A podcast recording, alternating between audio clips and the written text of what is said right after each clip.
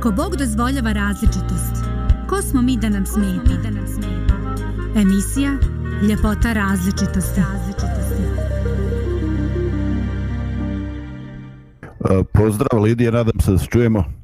Da, da, čujemo se sada. E, super, dakle, pozdrav za uh, slušalce Radio Pomirenja i sve one koji će nas nakladno uh, poslušati na nekome od platformi na YouTube ili na Facebook. E, lijep pozdrav uh, i lijep dan očito ovaj, danas imamo i nadam se da ćemo danas, e, iako evo vidim u, u malo krnjem sastavu, moći odraditi i poruditi emisiju koja je bila planirana za juče, ali kako sam razumio, imali smo problema jučer sa a, tonom. No, o tom potom, ovaj, bitno je da ne gubimo ništa od dobrih sadržaja. E, Lidija, e, postoji e, ovaj, svima poznati, nažalost, pre jedno 4-5 godina nas je napustio jedan veliki čovjek, Vladeta Jerotić, koji je ovako baš na jedan zoran način govorio o ljepoti, o različitostima, ali u onom najdubljem smislu i pozivajući na da sagledamo absurd. Absurd da ako Bog nešto toleriše i na neki način dozvoljava. Ko smo mi ljudi da budemo netolerantni, da dižemo graju, da iskazujemo neka negativna osjećanja ili još gore neka negativna postupanja. I tako bi ja danas, dakle, e, u uvodu pročitao jedan citat e, Vladrta Jerotića, da, za njega većina ljudi ga pozna iz one kultne emisije Agape u, u razgovorima sa slušalcima, a inače za njega dobar dio ljudi zna da je on je srpski neuropsihijatar, e, terapeut, filozof, književnik, akademik Sanu, koji je e, u dobrom dijelu svog stvaralačkog rada bavio se da pitanjima vjere, tolerancije, slobode. I za tog čovjeka čiji život je trajao ovako impozantni 90 i nešto godina ostalo je o, ogromno dijelo koje će, vjerujem, još dugo godina nadaknjivati njegove čitaoce. Dakle, dosta sa uvodom, da a, pročitamo nešto o toleranciji. E, Vladeta Jerotić govori o ljudima koji ne vjeruju od Boga, u Boga i kaže ovako. Ima ljudi koji varno ne vjeruju u Boga. I ne moraju biti nemoralni političari, ni gatari, ni spiritisti, već ozbiljni naučnici i filozofi poštenog i primjerenog ličnog života. Zašto bi takvi ljudi smetali e, smetali stvarno vjerujućim ljudima? Zar raznovicnost svijeta i života nije veličanstvena Božja pred, predstava koja smeta i zbunio samo ljude ograničenog razuma, uskoga srca i jalove mašte. Sva silina i ljepota životne dinamike počiva na različitosti. Zar Bog nije ostavio ljudima slobodu odlučivanja hoće li da vjeruju u njega ili neće. Eto, vjerujem da je ovo nekoliko riječi bilo sasvim dovoljno za uvod i da sagledamo koliko je ovdje nagomilano pitanja, koliko inspiracije. Nadam se da ćemo makar djelomično moći e, da razumijemo, da akceptiramo, da jednostavno stavimo fokus makar na neka od ovih mjesta. No, kako sam ja danas prošlo čitao ovaj citat, čini mi se da je to ovako dovoljno za uvodni dio. Pa Lidija, pozdravljam i zamolit ću te za jednu muzičku pauzu.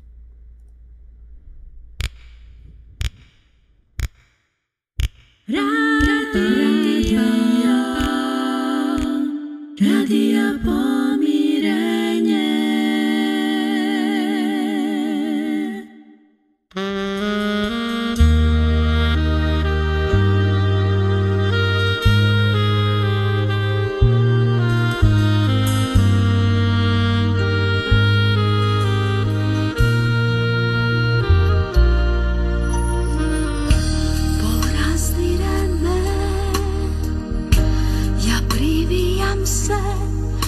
radio, Uzahane stjene, litice samoće Srce steže se Trebam praštanje. Svoje boli dijeliti sa tobom. I tražim pravu riječ Ali glas mi zapinje Srce osjeća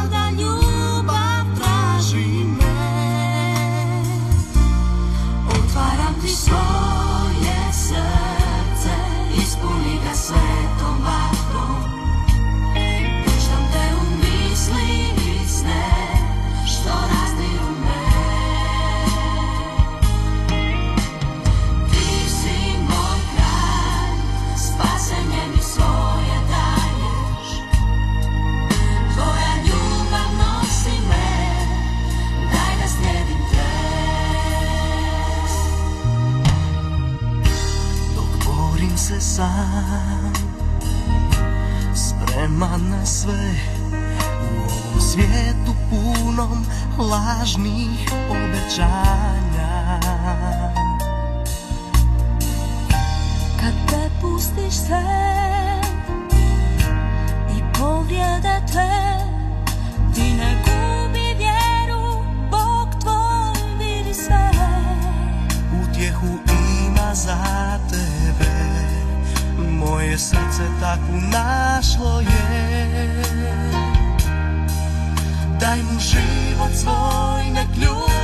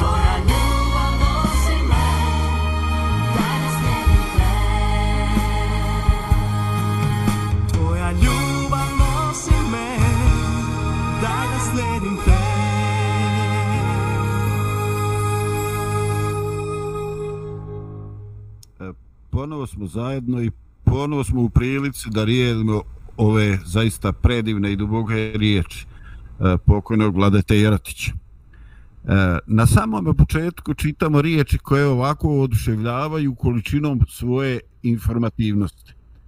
Dakle, on kaže, ima ljudi koji ne vjeruju u Boga, ali ne moraju biti neum, nemoralni političari, ni gatari, ni spiritisti. I nasuprot toga on kaže to su ozbiljni naučnici, filozofi i još dodaje nešto što predstavlja njihove lične osobine, a to je oni su primjer ličnog ličnoga i poštenoga života.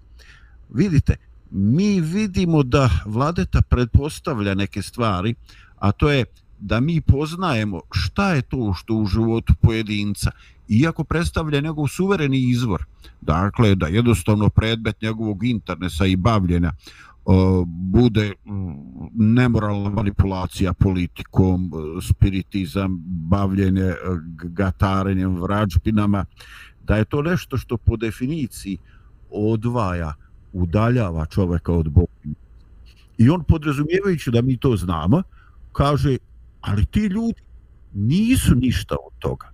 Šta više, oni su dobri ljudi. I pored toga, u njihovom mentalnom sklopu, u njegov, njihovoj logičkoj percepciji svijeta, nema mjesta za Boga.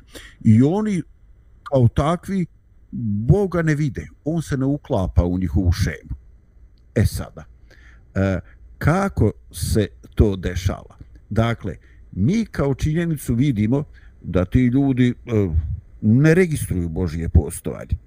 Ali s druge strane, ne prakticiraju ništa što bi Boga odgurlo od njih i naprotiv, oni u svom realnom svakodnevnom životu pokazuju osobine koje na neki način sugerišu Božje djelovanje čak i na njih. Dakle, e, Lidija, koji je tvoj prvi dojam e, koji je tvoj prvi dojam? Dakle, e, kako doživljavaš ovo? Da li je to za tebe nešto, eto, ovaj, normalno ili na neki način i ti vidiš u ovome absurd?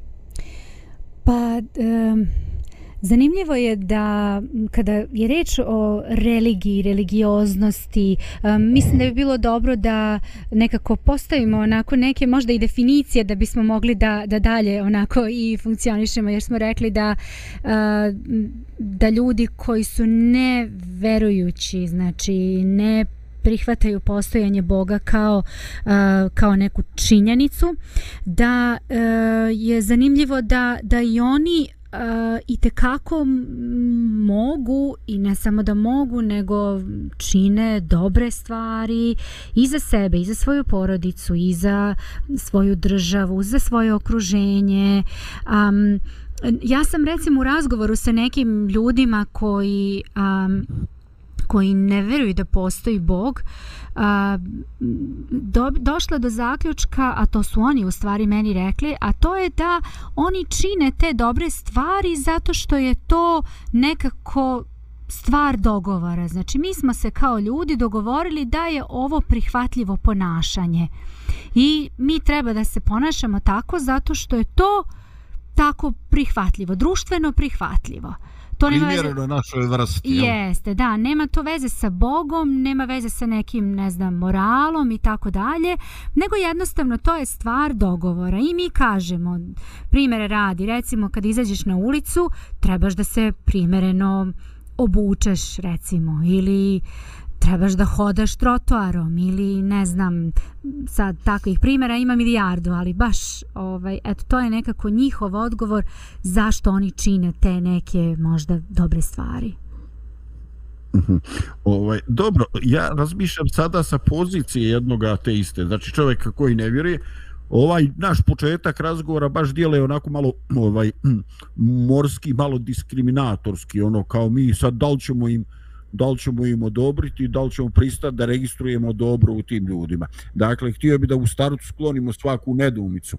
Ja ne mislim da postoji bitna razlika ovaj da li su ti ljudi e, manje ili više dobri. Ovaj, mi ovdje govorimo samo o tome da li na nivou njihovog racija e, postoji e, misao o postojanju i djelovanju i, i e, božanstva kao vrhovnog bića.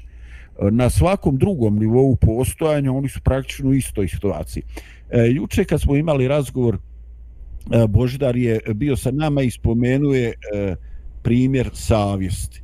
E, savjest je znači nešto što postoji u čovjeku što je definitivno jako kompleksna pojava i ovaj kad razmišljamo čega se ona sastoji onda vidimo da ona ima minimalno dvije komponente.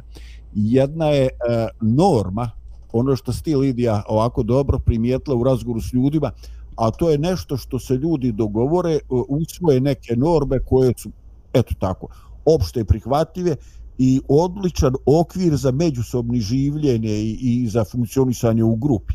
Dakle, postoji nešto što je norma, što je društveno, socijalno prihvatljivo i postoji nešto što je unutrašnji osjećaj, e, nešto što je jako lično, što čovjek kao pojedinac doživljava i dešava se e, da to dvoje, znači društveni e, norma i unutrašnji osjećaj ne moraju uvijek biti ići zajedno. Mm -hmm. Tako da mi imamo slučajeve u kojima je nešto posve prihvatljivo, ali ljudi osjećaju nelagodu, oni osjećaju, neki ljudi kažu, ali to nije za nas, mi se osjećamo loše.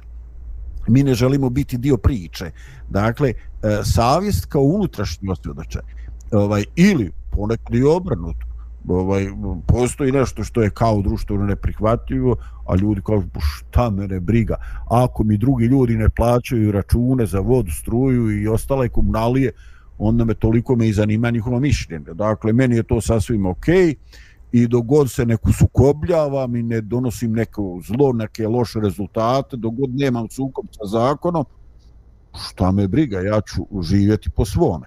Dakle, mnogo ljudi ima koji žive e, i na jedan i na drugi način. E sada, u razgovoru s ljudima koji se e, bave psihologijom, e, ja sam postavio pitanje, pa čemu, čemu sad dati ovaj, prednost? Ovaj, I onda sam čuo odgovor koji od prilike, bilo je to davno, taj razgovor sad ga ja baš onako pojednostavljujem, parafraziram, ovaj, a, a to je e, čovjek mora biti svjestan da sukob kolektivnog i ličnoga će stvoriti određenu tenziju i čovjek e, jednostavno e, koji je, koja je cijena toga. Dakle, e, čovjek nije preporučeno da ulazi u konflikt e, koji, koji će ga opteretiti. Ali još manje je preporučljivo da čovjek pristane na nešto što unutrašnje osvjedočenje ima da je zlo i on jednostavno tad se konfrontira sa sobom samim on sam sebi ovaj e, pravi problem i onda ovaj u tom slučaju stvarno bolje ovaj bolje izabrati taj neki unutrašnje kočnice ovaj e, Samo da te pitam, meni je zanimljivo baš ovo o čemu govoriš sada. Da li možda ima neki primer konkretan? Šta bi recimo to moglo da bude što je društveno um, prihvatljivo, a što sa čime se možda neki moj unutrašnji osjećaj ili moje biće ne, ne bi složila. Da li možda imaš, baš mi sad zanimljivo ovaj, da, da razmišljamo o tome. Da. da. Pa nisam, nisam planirao, ali na tvoje traženje. Ovaj, evo ovako, jedan, uh, a to su slučajevi, na primjer, uh, progon jevreja u Njemačkoj. Ovaj, znači, određeni, određeni ljudi su prvo bili obilježeni, pa su im stavljali trake primjer. sa... da, stavljene su im ovaj e, trake e, na ruke o, i odjedan put ti ljudi su bili odvođeni i e, u ovo gradsko stanovništvo. Znači ono je imalo plesne večeri imalo je koncerte dogod saveznici nisu počeli bombardovati Njemačku tu se živjelo a, relativno normalno sa sviješću da su najbolji momci otišli na front i tako. Živjelo se a, zaista to je bio po, pored par drugih evropskih država, to je bio civilizovani dio Evrope. Dakle, živjelo se normalno, bili su koncerti, bili su ulice, eto, neki ljudi su sklanjani iz bezbedonosnih razloga, nije se o tome pričalo, ovaj, i, i ljudi, su, ljudi su se trudili da o tome ne razmišljaju, dogod se to nije ticalo njih, dok njima nije postavljalo, predstavljalo problem. Ovaj, dakle, e, po zakonu može biti diskriminacija. E, ovaj, I svaka kriza ovaj, u kome određeni, određena pripadnost predstavlja hendikep, što se dešavalo i na ovim prostorima, e, ovaj, je vrijeme kad se ljudi osjećaju ovaj, podijeljeni. Da li je moj komšija koji pripada drugoj vjeri, drugoj narodu, koji mi nikad ništa nije učinio loše, a i da jeste, to ništa ne znači, ovaj eh, da, kakav je moj poriv? Da li da ga ovaj eh, da li da mu pužim zaštitu? Da li da rizikujem sebe? Da li da rizikujem svoje djecu? Znači bilo je puno tih primjera. Navoditi bilo koji primjer jednostavno na ovim prostorima znači ovaj eh, ukazati na nevinu žrtvu ukazati na dželata i tako a ovaj to je prilično nezahvalno i uvijek znači tako je, tako je. podilaziti jednima, a ovaj, izgubiti druge. A ovo je radio pomirenje, je li tako Lidija? Apsolutno. Ovaj, dakle, postoje te, neke, postoje te neke situacije, ali ne moramo ići u te tako dramatične događaje. Ovaj, jednostavno, uh, u grupi uh, najđu periodi kad određeni ljudi uh, kad ovaj ljudi koji rade, su, to može biti bilo koji kolektiv, uh, jednostavno povuku neki potez, nađu se na milost ljudima koji su od uticaja i sad mi negde u dubini duše smatramo da, su, da je ovaj njihova odgovornost mnogo relativnija, da nisu toj mjeri odgovorni ovaj koliko im se stavlja na vrat ili na glavu, ali ovaj ako to previše glasno artikulišemo, ispade da se sukobljavamo s nekim mišljenjem veličine, većine ili nekog rukovodećeg kadra i tako. I onda smo mi stvarno podijeljeni. Da li da kažemo, pa to nije moj problem. Znaš, ovaj, nije moj problem, a osjećam da jeste moj problem. Dakle, postoji mnoštvo, mnoštvo situacija ovaj, gdje mi jednostavno e, prečutimo radi našega komfora, e, radi našeg osjećaja sigurnost i tako, a ovaj a u duši osjećamo da možda trebamo pružiti podršku ili zaštitu. Da, ne. i onda je Eto, pitanje... Recimo, Da, oprosti, da. završi, izvini, prekinula sam. Okay. ne, ne, samo izvoli. Da, sad razmišljam više naglas, eto, zanimljiva mi je ova diskusija.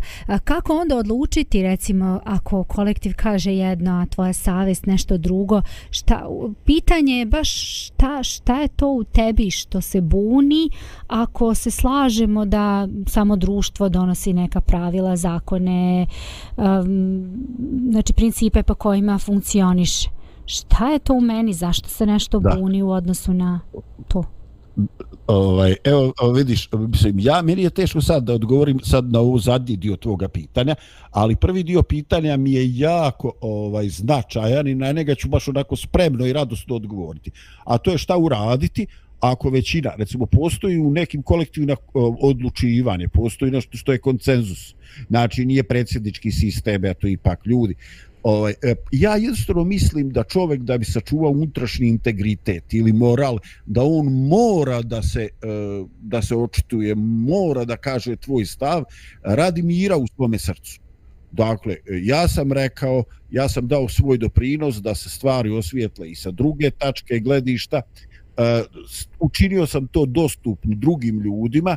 E sada, ako ovaj u nekom e, kolektivnom odborskom načinu odlučivanja e, prevagne neko mišljenje koje je suprotno od moga. Ok, ok, znači mm. ja ne, ne, neću biti destruktivan u redu, većina je tako odlučila, ovaj ja samo želim da se e, da ja da se približi da sam ja izdvojio svoj stav da sam razmišljao drugačije i da bude približeno radi čega sam to ovaj razmišljao Bože moj, mi ništa ne znam, ne znamo možda da će se sutradan ispostaviti da sam ja imao ovaj možda ograničene informacije ili sam ovako ponesen nekim svojim eh, ličnim osjećanjima i nekim subjektivnim doživljam te osobe eh, napadao ili je stavljao u zaštitu jer sam bio subjektivan.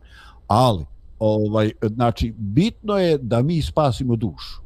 Mi smo svoje rekli, a ako naši argumenti nisu bili dovoljno snažni, ako nisu prodrili do svijest i nisu uticali na obrat ili promjenu zaključaka grupe koja tu, dobro, ali mi smo rekli svoje.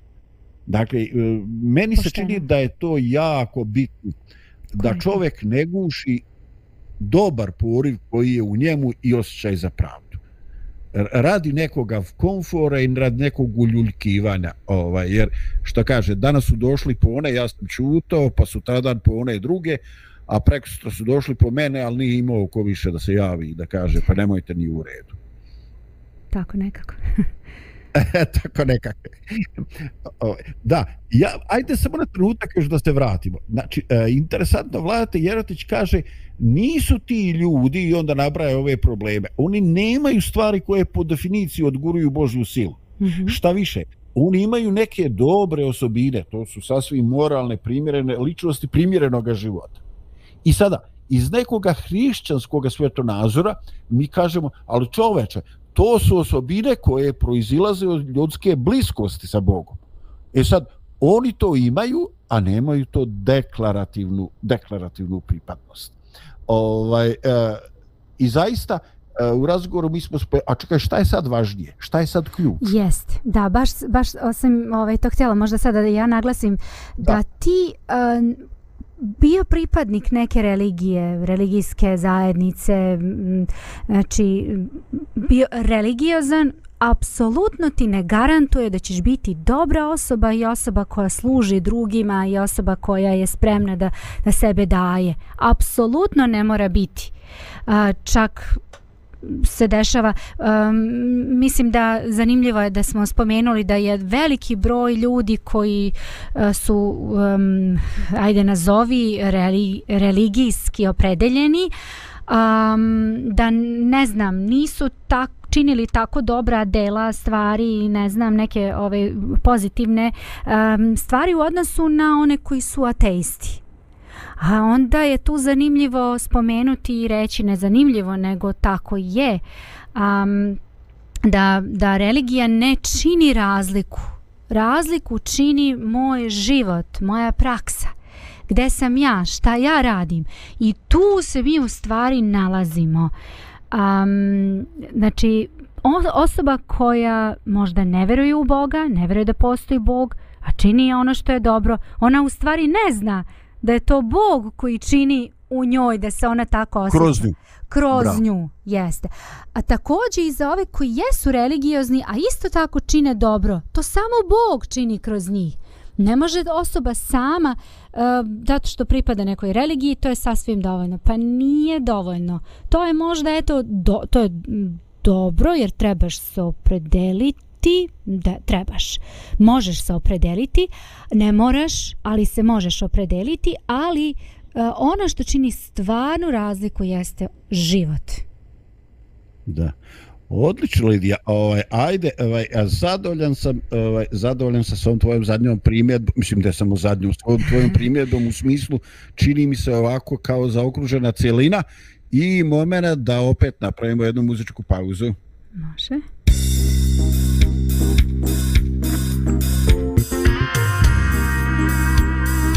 Radio Pomirenje.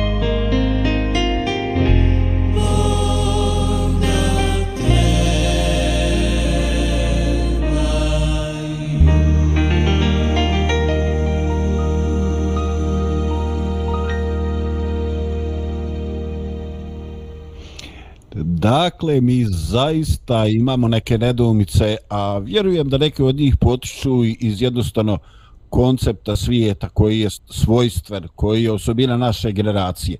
A mi smo dominantno racionalna generacija. Mi jednostavno o, hoćemo i očekujemo da se sve na tom racionalnom dijelu posluži i da sve posljedice koje iz toga proizelaze budu logične. Eto, mi kažemo i očekujemo, pogotovo mi vjernici, očekujemo da kažu pa da, oni koji priznaju Boga, oni su napravili pravi izbor i o, kroz njih Bog djeluje, ali nije baš uvijek samo tako.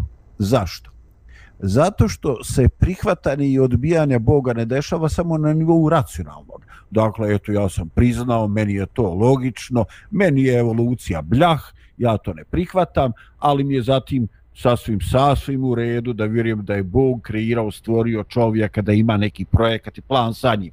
I mi tako ovaj razmišljamo. Ali dok na nivou racionalnog mi na, kažemo ili pretpostavljamo da se nalazimo na pravoj strani, sasvim je moguće na nivou psihe, emocija, neke duševne reakcije bježe neki zaključci da ih jednostavno ne dosežemo. A jedan od tih problema je upravo ljudskost o kojoj se ti spominjala. Dakle, ljudi jednostavno čine dobro. I upravo radi toga što čine dobro, oni e, pokazuju da su djeca Božja. Oni pokazuju da je postoji taj živi utjecaj u njihovim srcima, bez obzira što on ne dotiče njihov racionalni dio.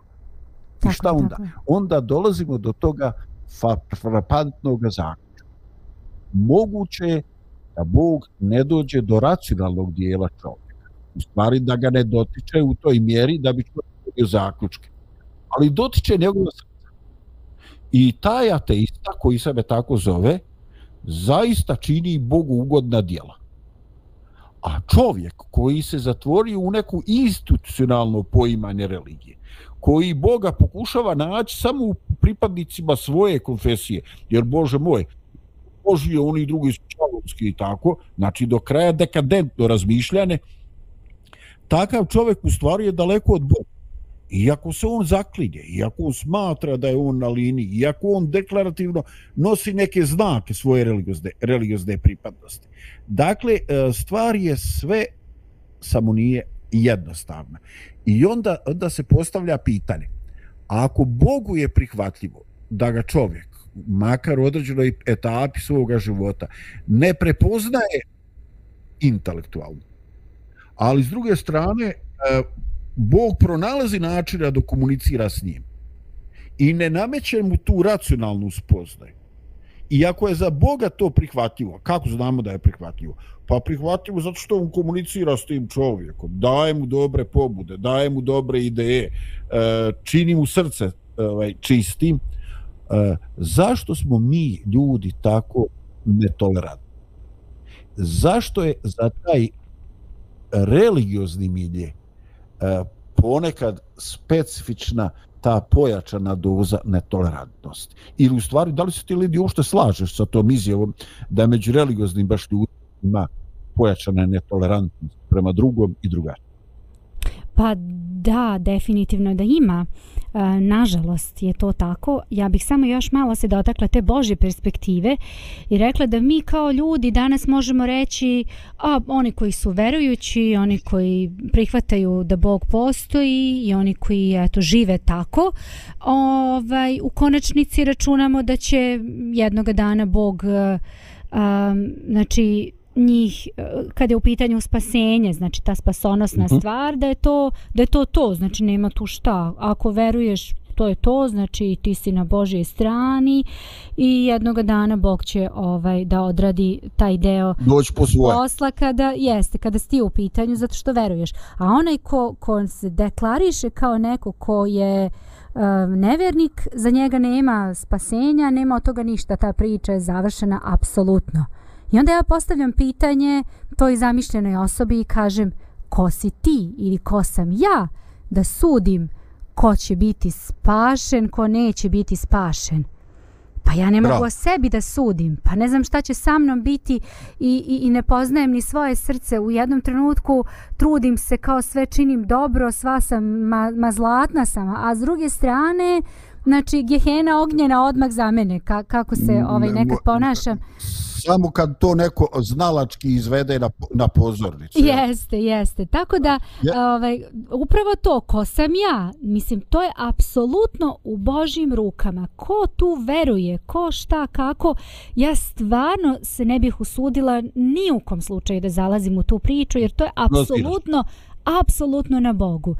Ali sa druge strane mi živimo tu gde živimo i, i kako možemo pokazati um, tu neku ljubav, zahvalnost prema Bogu, pa tako što činimo drugima ono što je dobro.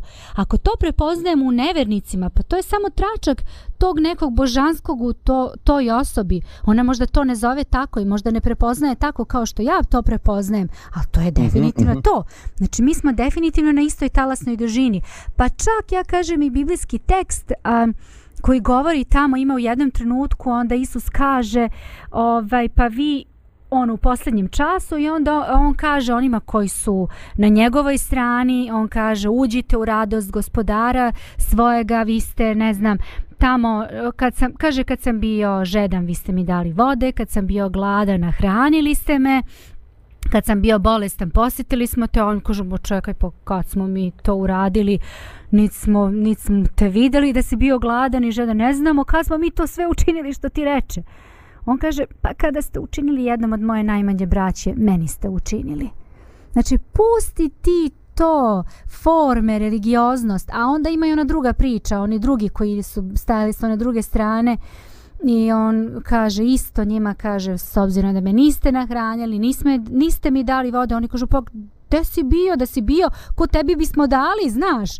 A No, prvi ka- bismo bio, E, to. bi akciju, dobro. E tako, ali kaže kad niste učinili jednom od najmađe, znači pokazivanje um, pravog života jeste samo u odnosu sa ljudima, u odnosu sa ljudima i to je onda suština.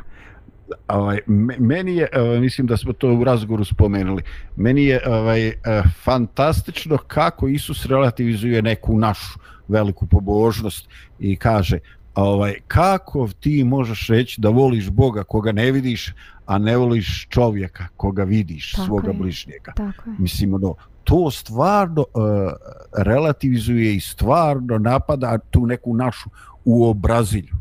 Ovaj, e, ja ponekad imam, e, imam običaj reći, iako toga svjestan sam da u nekim ušima to može grubo da zvuči. E, religioznost, kad je ona prvenstveno pripadnost grupi, kad je ona institucija, ovaj ona može veoma lako poprimiti neke osobine, neke ideološke pripadnosti, biti slična pripadnosti kažem ideologiji, političkoj stranci, određenom političkom konceptu. I onda čovjek dijeli čitav svijet na naše i njihove. Mm. I onda ono što je naše to treba pomoći, podržati financijski akcijom, kako god, a ono što nije naše protiv toga se treba boriti, to treba stati nogom za vrat i tako. Znači taj neki e, militantni pristup, ovaj, što iz perspektive toga što ti kažeš, da mi to ostavimo Bogu, da on ko je za spasenje. Ovaj, e, nije baš mudro se upuštati u to, kad ne možemo, ti si to lijepo rekla, prvo procijeniti šta u nama. Ovaj, kad se dala ovaj, taj primjer ovaj, vatra Gehene, ono, ovaj, Lidija, ovaj, e, jel se i tebi u životu dešava da su ovaj, iste ličnosti te koja ima sposobnost ovaj, da te učini jako sretnu i da te izvede iz takta. Da li su to potpuno različite ličnosti ili se te sposobnosti ponekad otkrivaš u istim osobama? Pa zanimljivo je Eto, da... neću te pitati, neću te pitati ko su. Ne, ali zanimljivo je da recimo ista osoba može da proizvede jedno i drugo, ali postoje neke osobe koje su posebno naštimane da, da znaju da, Da da, izvuku onako žicu neku ovaj, iz Najbolje mene. ili najgore od toga. Da, da, da. Ili naj, upravo tako, da, i s jedne i s druge strane, da. Da. Ne, pa znaš šta, mene je nikad niko nije u meni ovaj e, proizveo tako dobre i tako loše stvari kao osobe do kojih mi je emotivno stalo. Pa jeste. E, ovaj, oni znaju da me raši, ražeste i oni mogu da me učine beskrajno. A znaš zašto? Zato što se najviše dajemo tim osobama. Znaš, kad najviše otkriješ, onda te najviše i boli ako nešto tu ne funkcioniše. Ovaj, e, a tačno. Ništa, pročitat ću ovaj e, još jedan dio citata e, gdje e, zaista vladeta kaže veličanstveno pitanje postavlja.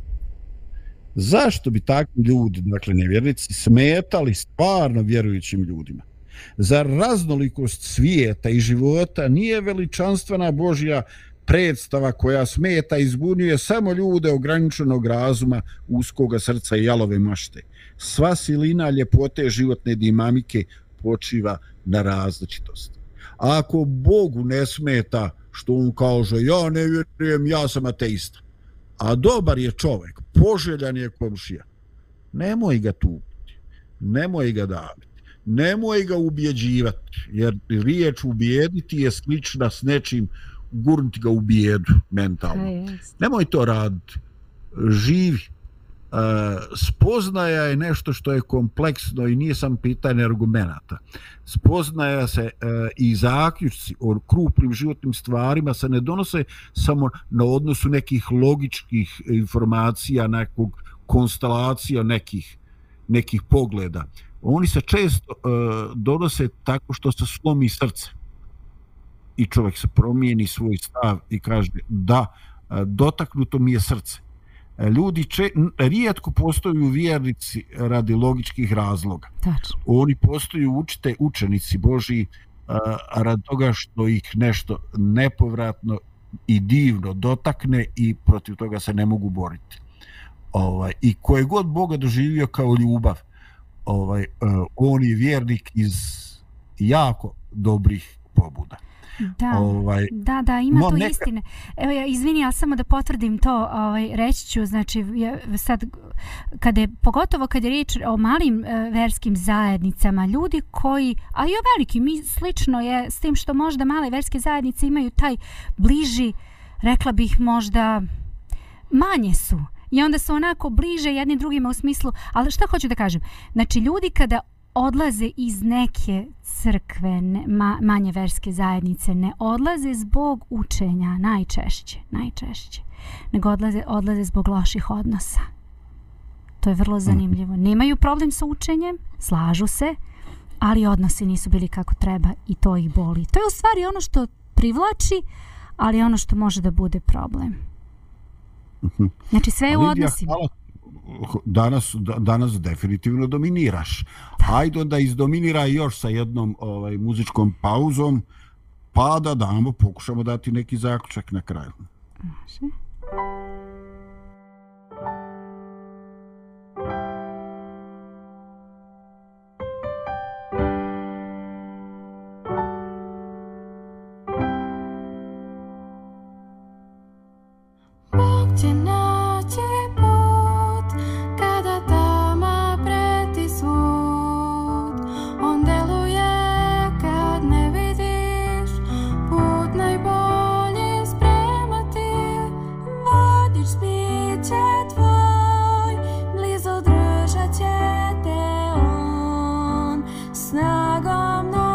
como se dá.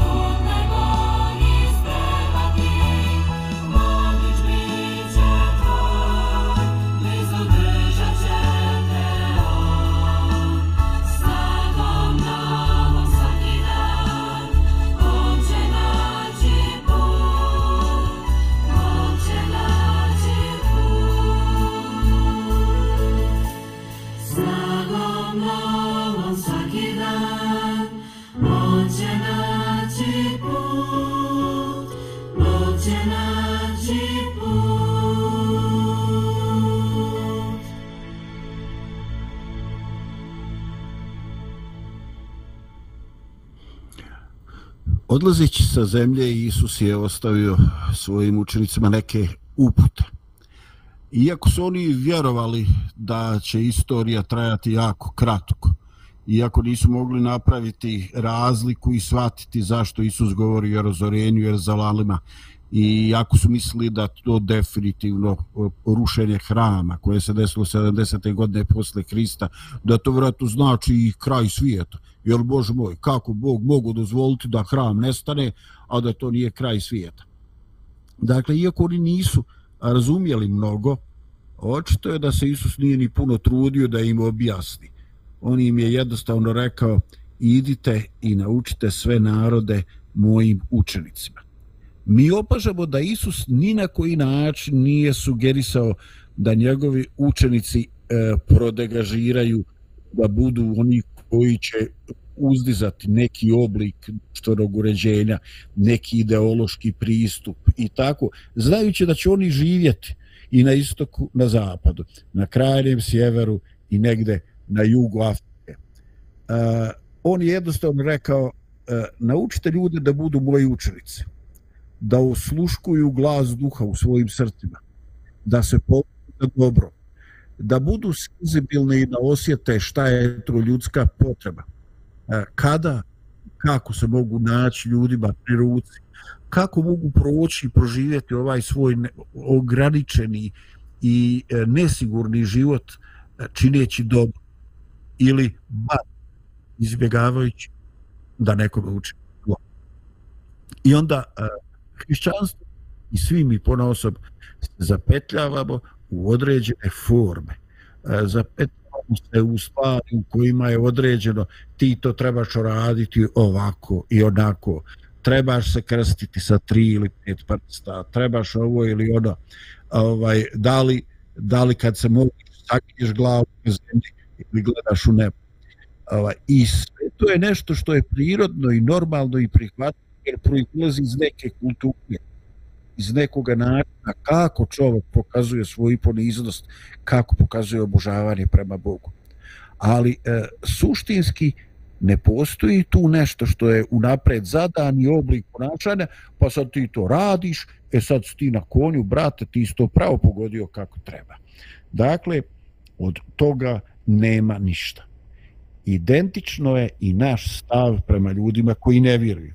I e, na kraju vladate Erotić će reći i zar Bog nije ostavio ljudima slobodu odlučivanja hoće li vjerovati u njega ili neće. Dakle, Bog je ostavio tu slobodu ljudima. Hajde i da mi koji sebe nazivamo vjernicima prihvatimo da je Bog ostavio tu slobodu i da mi tu ne možemo niti treba išta da popravljamo čovjek je odlučio da bude nevjernik i ok, mi to trebamo poštovati i prihvatiti. Ali e, trebamo živjeti na način da ako se čovjeku ikad po, po, ovaj, pojavi pitanje e, da li možda Bog djeluje preko tog Bog komšije da u tvome i mome životu e, nađe neke trenutke, nađe neke znake dobrote da se makar e, zamisli. E, Lidija, pozvao bi te na kraju, ovaj, ako imaš neku rečenicu još da podijeliš s nama. Pa ja bih rekla da Bog voli ljude. Bog voli ljude. A, šta, šta, kakav će odgovor ljudi biti sa druge strane, ja bih se složila sa ovim što si rekao na kraju, to je stvar ličnog izbora. A, Bog je definitivno u srcima ljudi usadio tu neku duboku potrebu za njim, a to vidimo upravo kroz tu neku savest i nešto što nas pominje da, um, da drugačije, da budemo drugačiji u pozitivnom smislu. I a, definitivno a, konačan iz, do, konačno šta će biti sa pojedincima i svakim od nas prepuštamo Bogu, a na nama je da činimo dobro ljudima, da živimo u pozitivnom raspoloženju, u pozitivnim odnosima a, i da, da pokušamo da naše vidike otvorimo i raširimo prema drugom i drugačijem, jer mislim da nas Bog na to poziva. Da. O, zaista, ovaj, hvala ti na tvoj današnji doprinos. Ja se zaista zgrožavam i ne bih želio da jednog dana sebe prepoznam u ovome što kaže Vladekata Jerotić. Da budemo ljudi ograničenog razuma, uskoga srca i jalove mašte. E sada, sa ovim ograničenog razuma i ne vidim tu neku katastrofu. Ono, rodio se čovjek malo glupo. Šta je? Fali mi gotovo ali me ovo užasava uskoga srca.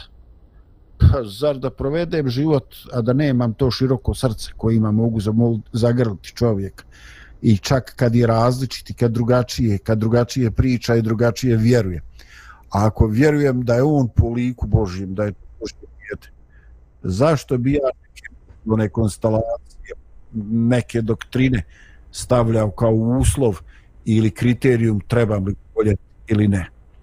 Eto, dakle, prihvatimo različitosti jer ih je Bog definisao, dozvolio ko smo mi da to dovodimo u pitanje. Zagrlimo naše bližnje, našu braću i sestre, one kojima na ovaj ili onaj način dolazimo i s kojima razmjenjujemo pozitive vibracije. I neka nam ne bude najvažnije kako se krste, kako se Bogu mole i da li se deklarišu kao vjernici ili nevjernici neka nam bude važnije od toga koliko zajedničkog duha i pozitivnih djana i dijela podijeliti među. Lijep pozdrav i vidimo se i slušamo se na radio Pomireni. Svako dobro i tebi. Thank you.